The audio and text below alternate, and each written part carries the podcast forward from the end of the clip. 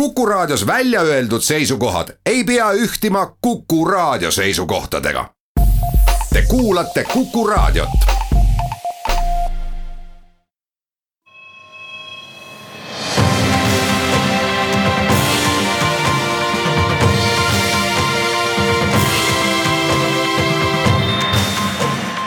Buum.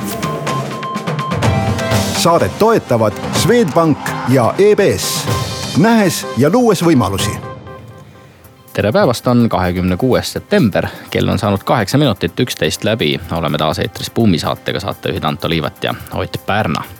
tänase uudisteploki avame aruteluga selle üle, miks plaanib Michael Kors osta kahe miljardi eest Versace teiseks räägime sellest, et sünnib maailma suurim kullakaevandusettevõte, millel on maardlaid Ladina-Ameerikas, Aafrikas ja Austraalias Facebooki Hellas rüppes äh, surnuks kallistatud Instagrami loojad on andnud teada, et panevad ameti maha. arutleme selle üle, miks ning kuidas juhid ametist lahkuvad. ja uudisteploki lõpetuseks toome kõigile sobiliku äh, valimislubaduse, et lubagem oma töötajatele rohkem valgust ja nad hääletavad teie poolt.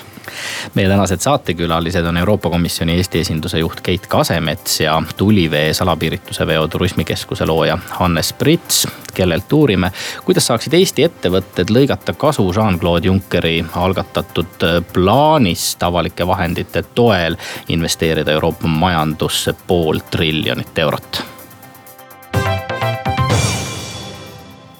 aga nii nagu lubatud sai, kõigepealt räägime luksuskaupade ärist. Ühendriikide ettevõte Michael Kors on andnud teada, et ostab äh, Euroopa luksuskaupade brändi Versace, käib selle eest välja kaks miljardit äh, eurot äh, ja plaanib seekaudu siis siseneda Euroopa luksuskaupade turule. jah, et, et noh, selle taga võiks vaadata nagu seda, et mõni aeg tagasi Blackstone, seesama investeerimispank, kes on meil Luminoris sees ostis kakskümmend protsenti Versace'ist. ehk siis, ja kui sul on private equity sees, ehk siis erakapitalifond sees, erakapitalifond ei tule niisama sinna sisse. ta on, tuleb sinna sisse mingi kokkuleppega oma osalus mingil tingimusel edasi müüa et noh, mõnedel juhtudel on see management buyout ehk siis vanad omanikud ostavad selle osaluse tagasi. enamus muudel juhtudel on ikkagi mingi teine strateegiline ostja, kellele seda plaanitakse müüa, noh või mõnedel juhtudel ka siis börsil noteerida. ehk siis, et see, et Versace'l nagu see müügisurve sees oli, see oli, oli nagu ilmselge. see, et Kors seda ostis, kes on täna kõige agressiivsem minu meelest moebränd, ameeriklased.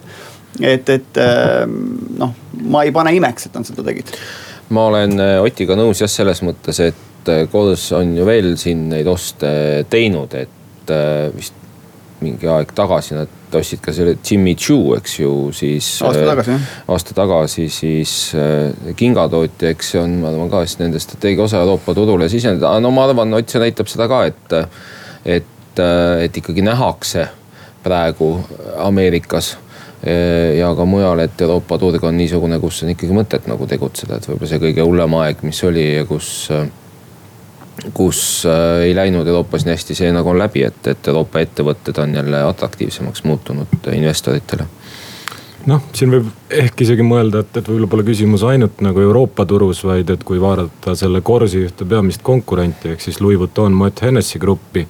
siis nende tugevus on äh, pigem nagu Aasia turul ja arvestades nagu Aasia kasvu ja nende armastust luksusbrändide vastu, et siis äh, ilmselgelt näeb Kors ehk võimalust ka nagu sealpool. et kui üldse midagi imestama paneb, siis noh, niimoodi Eesti väikeettevõtja kontekstist vaadatuna siis kahekümne kahekordne EBITDA võiks olla iga Eesti ärimehe unistuste exit no siin ikkagi usutakse seda brändi ja, ja et ta kestab äh, läbi aegade, et seda suudetakse viia ka nooremate inimesteni, aga üks huvitav äh, mõte kõige sellega seoses on vast tõsiasi, et äh, Kors väidetavasti valmistub ikkagi ka majandussurutiseks, püüdes oma portfelli laiendada ja, ja sisenedes siis enda jaoks ikkagi veelgi jõukamate inimeste segmenti läbi selle Versace brändi. ja me teame ju, et, et ka rasketel aegadel aegadel ikkagi äh, luksuskaupu tarbitakse ja, ja, ja nende tarbimine kukub vähem kui teiste kaupade puhul jah, no mis on Korsi puhul veel huvitav, Korsi pood on meil ka Tallinna Kaubamajas olemas, et oleme just tuhat viissada tükki selliseid äh, nii-öelda suurtes kaubamajades olevaid poelette siis minu arust viis või kuussada oma brändi poodi, eks. ja noh, see on tõsi, et kui sa Aasiasse lähed, ma ei tea, minna Singapuri, eks, et kõige ägedamad poed ongi moebrändide poed, need on samamoodi nagu, no põhimõtteliselt on kõr kõrvuti kunstimuuseumidega ja sa ei saa aru, kumb on kumb, eks. Et, et aga no mis on huvitav, see, et Kors iseenesest ta püüab ka ju noori kätte saada. et ühelt poolt on see, et tema kotid on hästi populaarsed noorte tüdrukute seas kaks tuhat seitseteist loobusid nad karusnaha kasutamisest moetööstuses, mis on küllaltki noh üllatuslik. ja vaata, kui Kors ise ei kasuta seda, see tähendab ka seda, et kõik tema brändid ilmselt peaksid sellest nagu puhtad olema. aga jällegi selline nii-öelda kaasaegsema inimese noh, niimoodi hipsterile peaks nagu sobima, kui nagu siis nagu karusnahas ei käida ma ei tea, hipsterid vist Michael Colesi väga ei osta või ma ei tea, kuidas sa. no jah jõuame siia ühe uudise veel. turismiametnikud ostavad jõuame ühe uudise siia juurde veel rääkida. sünnib maailma kõige suurem kullakaevanduse ettevõte Barrick ja Randgold panevad leivad ühte kappi. Ja kahe peale kokku suudavad nad siis äh, peaaegu seitse miljonit untsi aastas äh, kulda äh, toota. me teame, et kulla hind on olnud tublis languses, kaheksa protsenti kukkumist sel aastal ja kullatöösturid on see kõik paraja surve alla pannud ütleme jah, et kui seesama Michael Kors oleks selle kullatööstuse ära ostnud, siis oleks võinud hakata mõtlema, et kas tõesti oli siis nagu surve müüa nii kõva, et, et pidi ära ostma, aga siin on tegelikult kaks konkurenti, panevad leivad ühte kappi et põhimõtteliselt võivad nad üksteise, kuna nad on niivõrd suure turuosaga, võivad nad ise tegeleda sellega vastastikku konkureerides, nende hinda alla lükkavad. ehk siis nende turupositsioon hinda hoida võib-olla kasvab. teine asi on see, et ka selgelt diversifitseerimine riikide osas, kus need kaevandused on, et. no minnakse tegelikult koos ikkagi Aafrikat valutama, et see on selle asja noh nagu. no rändkood on Aafrikas sees maardlatega, Pärikul on tegelikult Ladina-Ameerikas ja, ja, ja Austraalias äh, kaevandused, eks. näiteks rahulikemas piirkonnas et eks nad ühelt poolt maandavad riski sellega, et nende portfell üle, üle maailma nüüd, eks.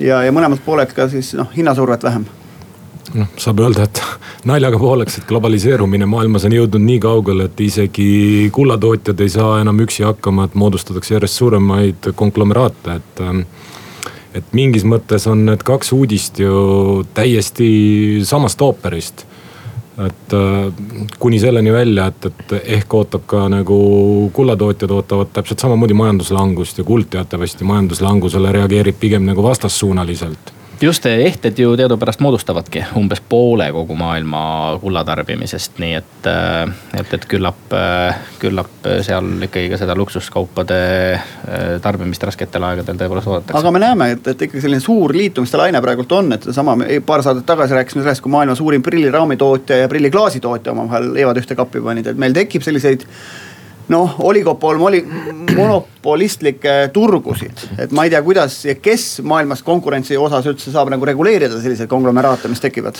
no ma näen ka pigem jah, siin seda, just seda konsolideerimise trendi ja liitumise trendi, mis on laiem. noh, eks see muidugi regulaatorite jaoks muudabki keerulisemaks, eks ju siis äh, turu nii-öelda õiglase konkurentsi tagamise turul, et et äh, no ma ei tea, seda valdkonda ma nii hästi ei tunne, et kas see on mingisugune suur teema seal kulla puhul, see monopoli teke, et äh, ma ei tea, võib-olla keegi teab, aga. kõrge marginaaliga prillid, eriti prilliklaasid on kindlalt see teema. ei prillide puhul küll jah, ja, ja absoluutselt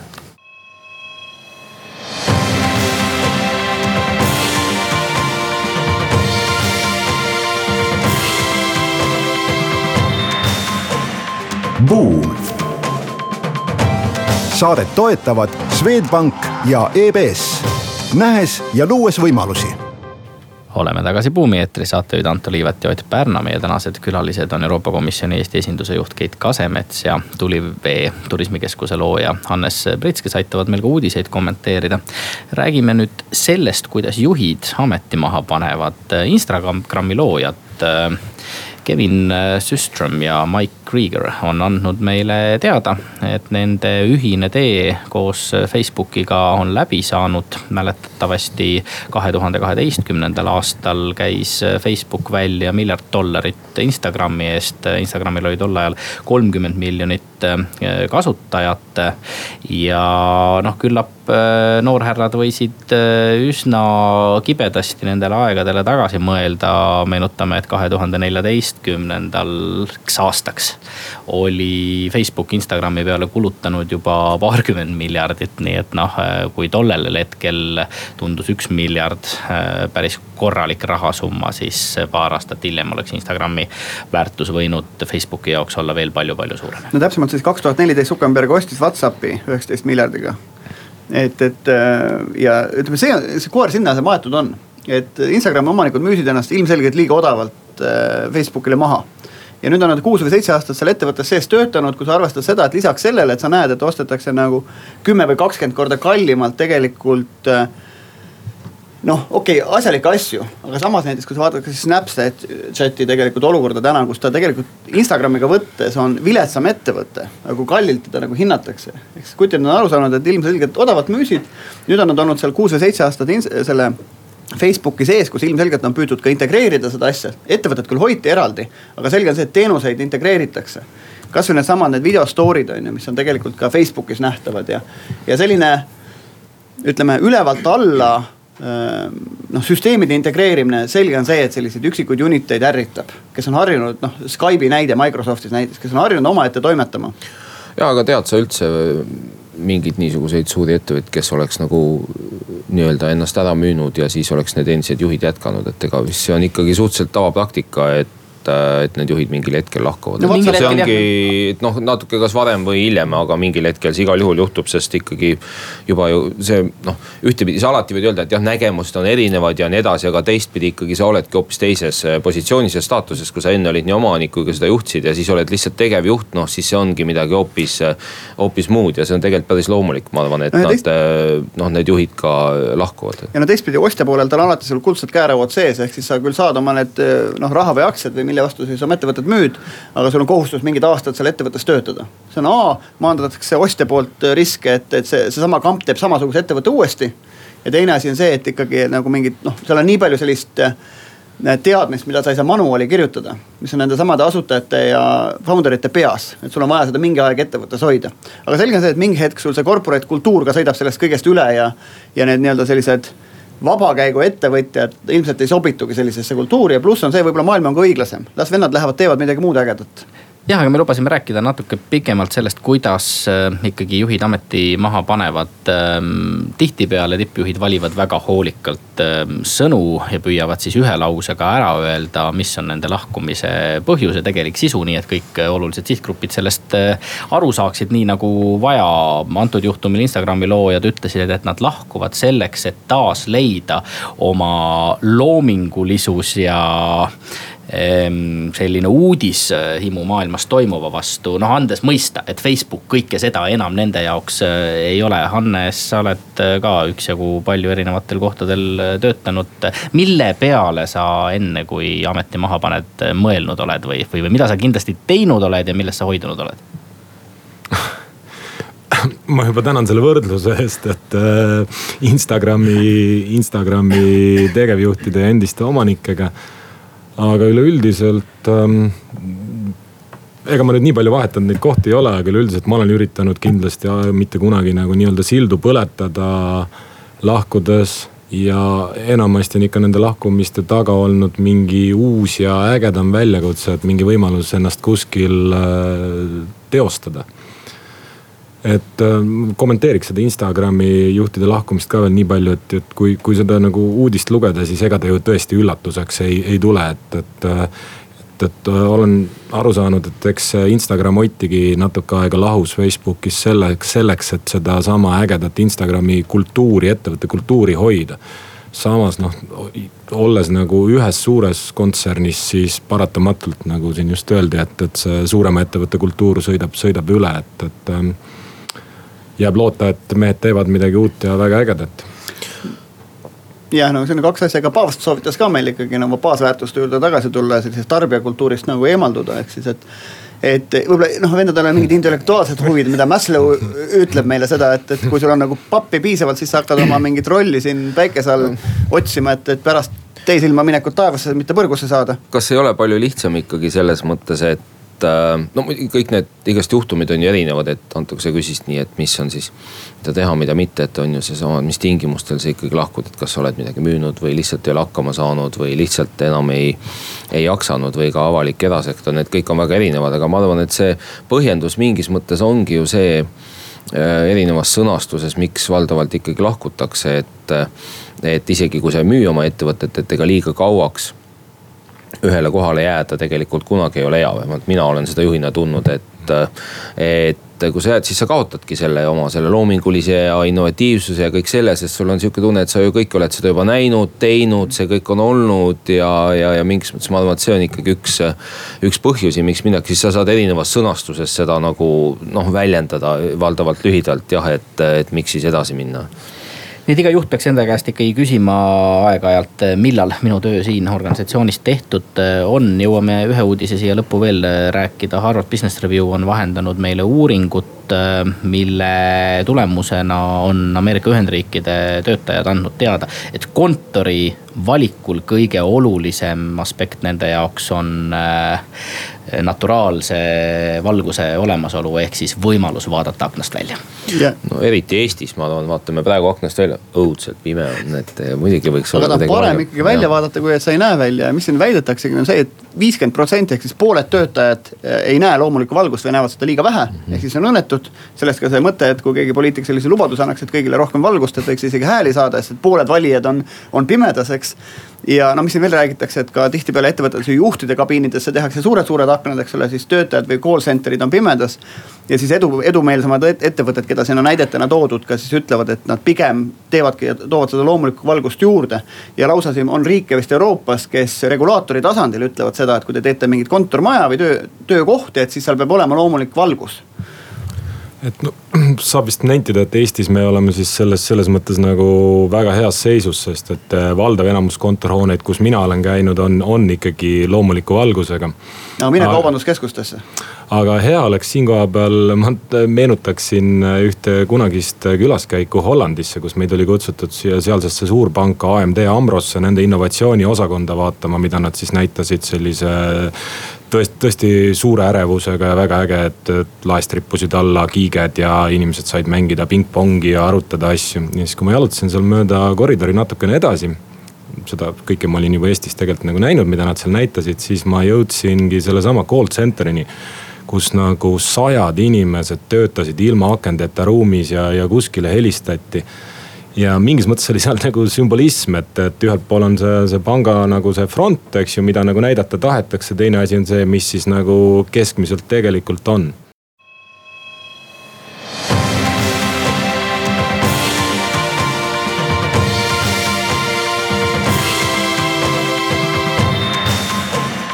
Buum. saadet toetavad Swedbank ja EBS, nähes ja luues võimalusi oleme tagasi Buumi eetris, saatejuht Anto Liivat ja Ott Pärna, meie tänased külalised on Euroopa Komisjoni Eesti esinduse juht Keit Kasemets ja Tulivee salapiirituse veo turismikeskuse looja Hannes Prits.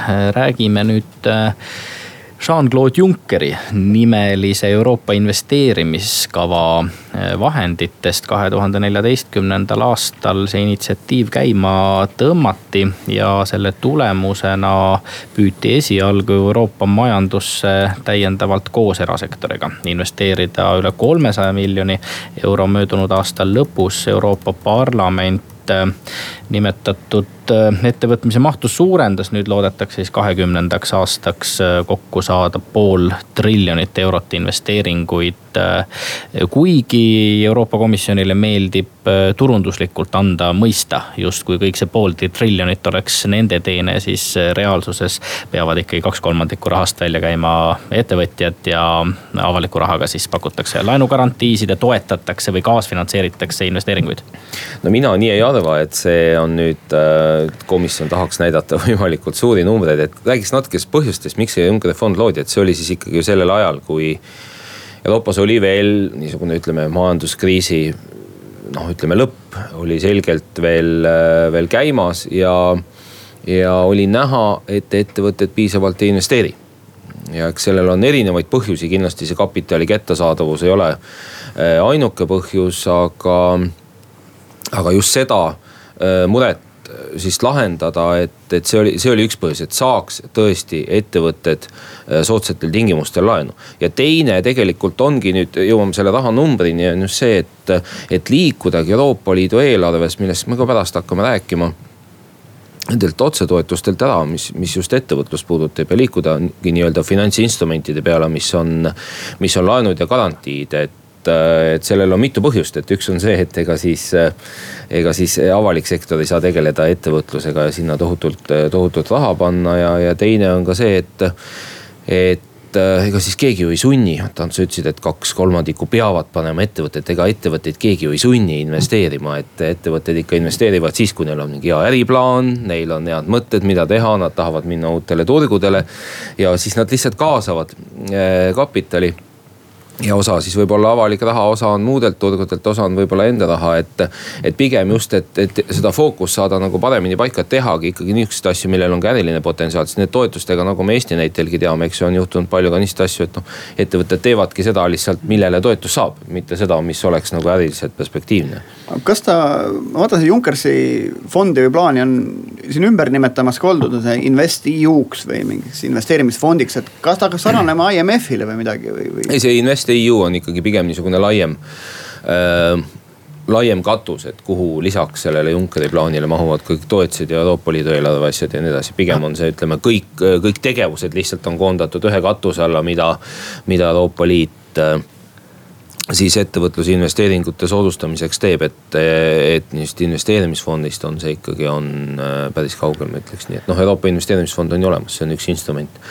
mis ka äh, selle InvestEU raames siis äh, on väga aktiivselt kasutusel, eks ju, et eks palju sellest rahast käibki läbi Euroopa Investeerimispanga Hannes, sina koos vennaga asutasid Ida-Virumaale tulivee salapiirituse veoturismikeskuse. kuidas sa nendest Euroopa miljarditest kasu lõiganud oled?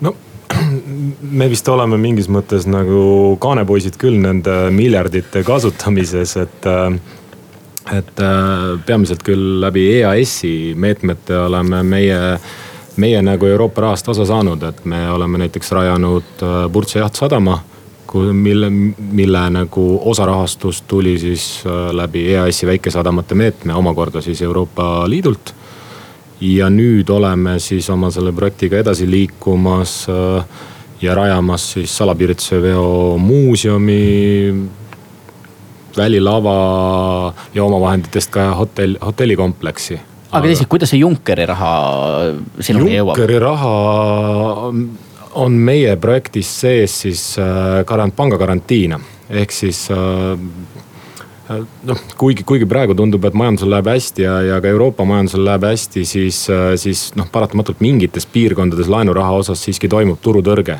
ja paradoksaalselt, mida paremini majandusel läheb, seda, seda suurem on turutõrge nagu kehvemates piirkondades mm. -hmm. et maakeeli öeldes pangal pole mingit huvi anda Ida-Virumaale mingi hotelli rajamiseks laenu. kui sama raha võiks keerutada siin kuskil, ma ei tea, Veereni tänava kandis kortermaju püsti pannes et äh, meie oleme Junckeri fondi, noh niinimetatud Junckeri fond, see on ju nagu triviaalnimetus, et õige vist on EIF. kasutanud siis äh, Tulivee restorani rajamiseks panga garantiina.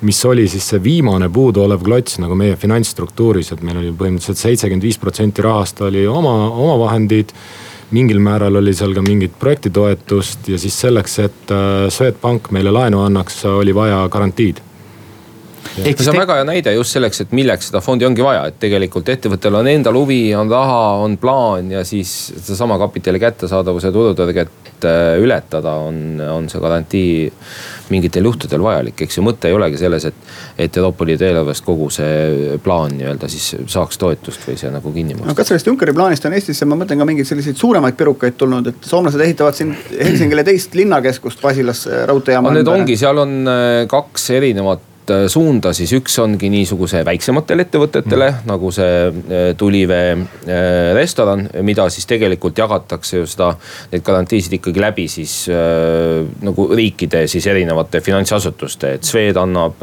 neid laene, KredEx annab garantiisid ja siin on veel, ütleme panku, kes on siis sõlminud, Unicredit näiteks, kes on sõlminud siis Euroopa Investeerimispangaga lepingu äh, selle raha edasiandmiseks ja siis on suuremad projektid, mida, mida siis, milleks vahendeid taotletakse, laenu taotletakse ja saadaksegi siis otse Euroopa Investeerimispangalt. ja noh, seal on, ütleme seal üle niisugused kolmekümne äh, miljoni.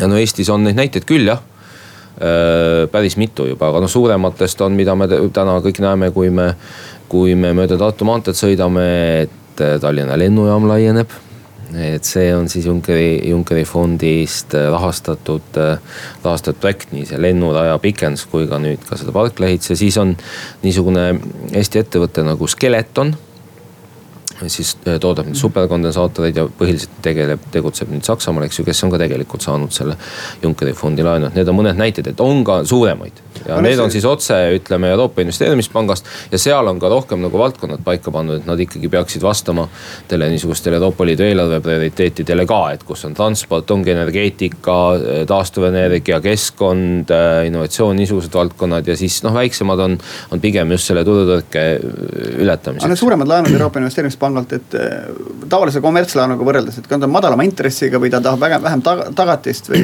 miks, miks sealt ja mitte mingi no, pankade sündikaat? päris pikalt ka öö, äh, Skeletoni juhi Taavi Madibergi siis, kui ta just sai selle laenu, ütles ka, et no ta ei olnudki nagu väga palju soodsam aga et ühtepidi on see ettevõtte jaoks ka niisugune juba sellel tasemel on niisugune äh, kvaliteedimärk. et kui sa Euroopa Investeerimispangast saad raha kaasata, et see on usaldusväärne ja mõistlik, mõistlik projekt ja ütleme jah, teatud tingimused on soodsamad, aga see ei ole nii, et ta nüüd oluliselt äh,, oluliselt soodsam nende suurte projektide puhul, kui mingit sündikaati äh, kokku panna. Hannes kui sa ütlesid ennist, et kaks kolmandikku raha oli teil vennaga endal olemas ja kolmandiku pidite siis juurde erinevate toetuste mm, käendatud laenude näol võtma. kui palju bürokraatiat selle kõigega kaasneb, kas ei oleks lihtsam mm, otsida üks erainvestor? no Junckeri, selle nii-öelda Junckeri fondi kaitseks ma ütlen, et, et mina seal nüüd mingit erilist bürokraatiat küll ei tajunud, et äh, täiesti tavaline pangalaenuleping mm. -hmm et, et ei, ta nagu küll kuidagi ei eristu nagu bürokraatlikkuse mõttes.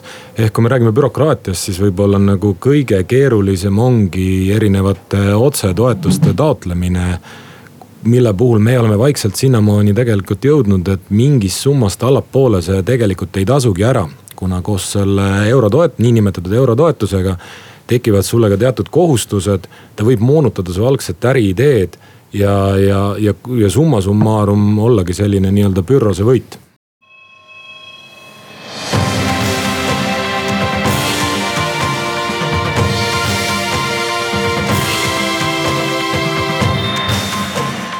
Buum. saadet toetavad Swedbank ja EBS, nähes ja luues võimalusi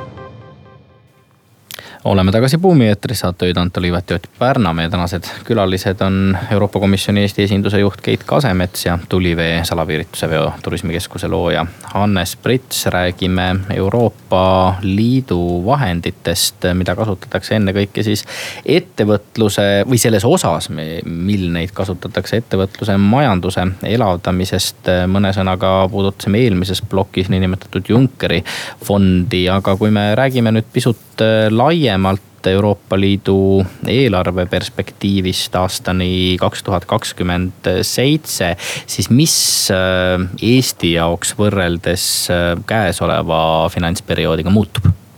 no eks neid muutusi ikka, ikka on, sest äh, on päris palju asju juhtunud selle seitsme aasta jooksul, kui, kui eelmine eelarve vastu võeti no üks asi on see, et on lihtsalt tekkinud uusi valdkondi, uusi väljakutseid, äh, millega Euroopa Liit peaks tegelema. noh, seesama siis julgeolek, ränne, kaitsekoostöö, niisugused teemad, mis vajavad ju rahastamist, vajavad äh, uusi vahendeid ja no kus neid siis kus neid siis võtta, et on kaks võimalust, et kas siis eelarvet suurendada või siis mingeid olemasolevaid tegevusi kärpida, et ega muid võimalusi väga ei ole, et Euroopa Liidu eelarve peab olema tasakaalus. no teine suurem muutus on see, et üks liikmesriik lahkub Ühendkuningriik, et mis tähendab, et nagu eelarvet suurendada olukorras, kus sul ikkagi üks kõige suuremaid eelarvesse maksjaid ära läheb, on nagu päris keeruline, et. Eh, et pigem see siis tähendab seda, et kuskilt tuleb koomale tõmmata. koomale siis, tõmmata nendest kahest sihukesest äh, klassikalisest peamisest äh, poliitikast, mis on siis ühine põllumajanduspoliitika ja siis see nii-öelda ühtekuuluvuspoliitika või see siis, et millega toetatakse regionaalset arengut ja eks see mõjutab Eestit ka jah, mis. kui aasta tagasi hämati selle ümber, kui palju vähem Eesti Euroopa Liidu eelarvest raha saama mm hakkab, siis kas me täna teame neid äh, numbreid? ei no lõpuni me muidugi ei tea, et ega täna ju seis on selles, et meil on ju komisjoni ettepanek tehtud liikmesriikidele, mida nüüd liikmesriigid arutavad.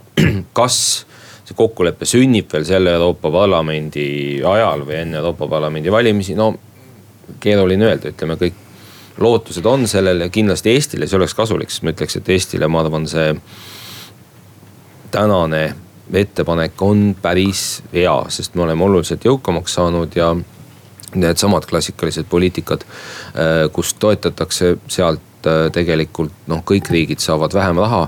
no teame seda, ma arvan, see on see lihtne niisugune lihtsustus, mida väga palju on kasutatud, et kui me varem saime ühe euro eest neli eurot tagasi, et siis tulevikus see võiks olla umbes nii, et ühe euro eest kolm eurot äh, tagasi, aga noh, seal on ju nii palju äh, detaile, et see ei ole nii, et see lihtsalt raha kantakse kuskilt üle, et sul ongi erinevad finantsinstrumendid, noh seesama Rail Baltic. et täna on selle ehitamiseks eelarves raha olemas. kui me selle kõik suudame nagu ära kasutada, noh see ei ole mitte siis selles liikmesriigi potis, vaid niisuguses potis, kus on siis nagu suured projektid. et kui me selle kõik suudame ära kasutada, siis tegelikult me võime saada rohkem raha või samamoodi teadus-arendustegevus, innovatsioon, ütleme. samamoodi, kus sul on, kus sul on niisugused riikideülesed potid ja tegelikult väga palju sõltub sellest, et kui aktiivsed meie enda ettevõtted on, meie enda ülikoolid on seda raha küsima, raha taotlema, raha kasutama, et noh, me võime iseenesest saada ka, saada ka palju rohkem. et, et sa ütled, et see üks kolmele on see raha, mis tuleb nagu otse tagasi no, siia koha peale, mida jagatakse jagatakse koha peal. ja nüüd see pluss on siis see, mis, mida me saame otse Euroopast taotleda. lihtsustatult võib öelda nii jah, jah. Hannes, mis pilguga sina vaatad Euroopa järgmist finantsperioodi? Ähm, kus sulle tundub, et Eesti ettevõtetelt king kõige rohkem pigistab, kus need prioriteedid olla võiksid? noh, teadus- ja arendustegevust ju mainiti, et seda, see on nagu asi, millest äh, kõik räägivad, et, et peaks rohkem tegema aga noh, tegelikus elus see ilmselgelt nii lihtne ei ole. sinu igapäevatöö on toiduainetööstuses, oodatakse ju ka selles valdkonnas rohkem ülikoolide ja ettevõtete vahelist koostööd, mille taha see jääb? noh, sageli ikkagi detailide taha, et, et äh, päriselus on päris keeruline nagu integreerida mingit teadustegevust nagu reaalsesse tootmisprotsessi, et äh, et äh, kogu aeg on see nagu oht ja hirm, et, et kulutatakse raha nagu millegi peale, millest kasu ei ole ja, ja et noh, et see tulemus nagu meie kontekstis siis naljaga öeldes ei kõlba süüa, et, et. Äh, et noh, ma olen natuke tegev ka nagu põllumajandussektoris ja võib-olla see ei ole nagu väga-väga populaarne lause, mis ma siin praegu ütlen, aga noh, üleüldiselt see, see raha, mis puudu on või mida võiks ju paremini jagada, ongi seotud selle ühtse põllumajanduspoliitikaga, kus äh, kus, kus ikkagi teatud segmentides noh, Euroopa Liit subsideerib nagu reaalset tegevust, mis võib-olla nagu turutingimustel ei toimiks. samas noh, me peame nagu aru saama, et, et tegu ongi Euroopa Liidu alusasjaga ja, ja see ei ole nii lihtsalt muudetav, et äh, on korduvalt kuskil nagu öelnud, et kui homme näiteks Eesti piima, kõik Euroopa piimatootjad oleksid võrdsetel tasemetel siis kas subsideeritud või üldse mitte subsideeritud, siis meil Eestis oleks nagu meeletu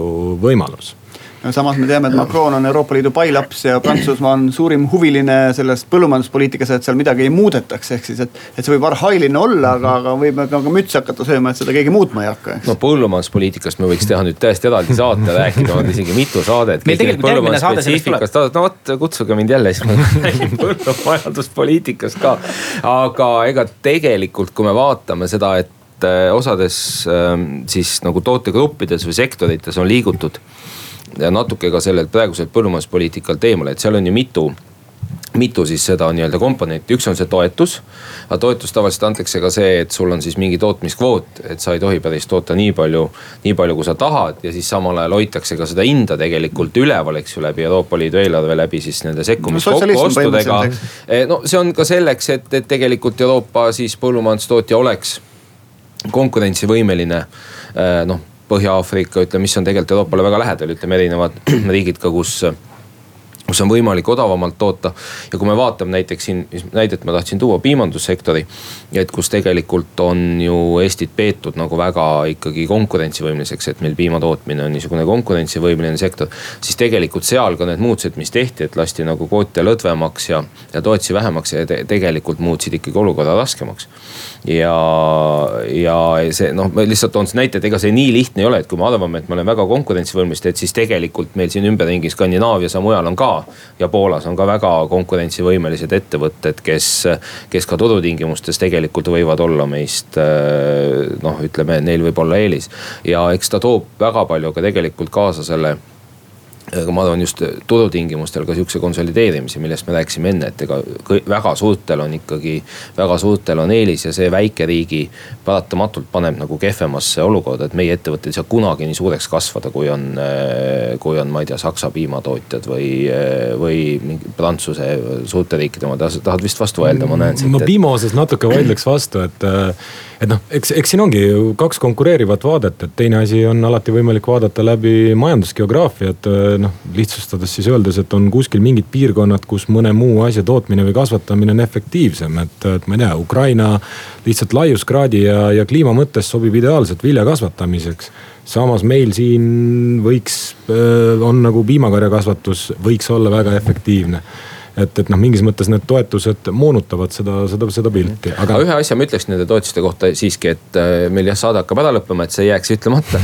et äh, üldiselt seda ühist põllumajanduspoliitika toetusi tõmmataksegi koomale, aga Eesti põllumeeste jaoks tegelikult need otsetoetused peaks kasvama ja sealt tegelikult me võime saada rohkem raha kui varem, sest need on ajalooliselt olnud väiksemad kui Euroopa Liidus keskmiselt, nii et see trend, mis nüüd tuleb, on see, et teistel võetakse maha ja meile pigem pannakse juurde ja see vahe väheneb meie saateaeg on tänaseks äh, läbi saanud, äh, aitäh ähm, saatekülalistele, me oleme eetris täpselt nädala pärast ja kuigi buumis ei ole palju põllumajandusest räägitud, siis tõesti järgmise saate põllumajanduse teemadel äh, teeme. meile tuleb külla Jaan Sõrra, Tartumaa Põllumeeste Liidu juht ja nüüd, kui vili koristatud hein äh, niidetud, äh, uurimegi, kuidas Eesti põllumeestel äh, läheb ja räägime kindlasti põllumajandusega seonduvast ka laiemalt. seniks aga kuulmiseni.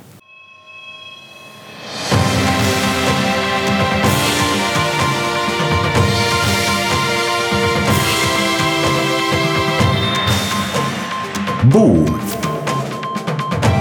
saadet toetavad Swedbank ja EBS, nähes ja luues võimalusi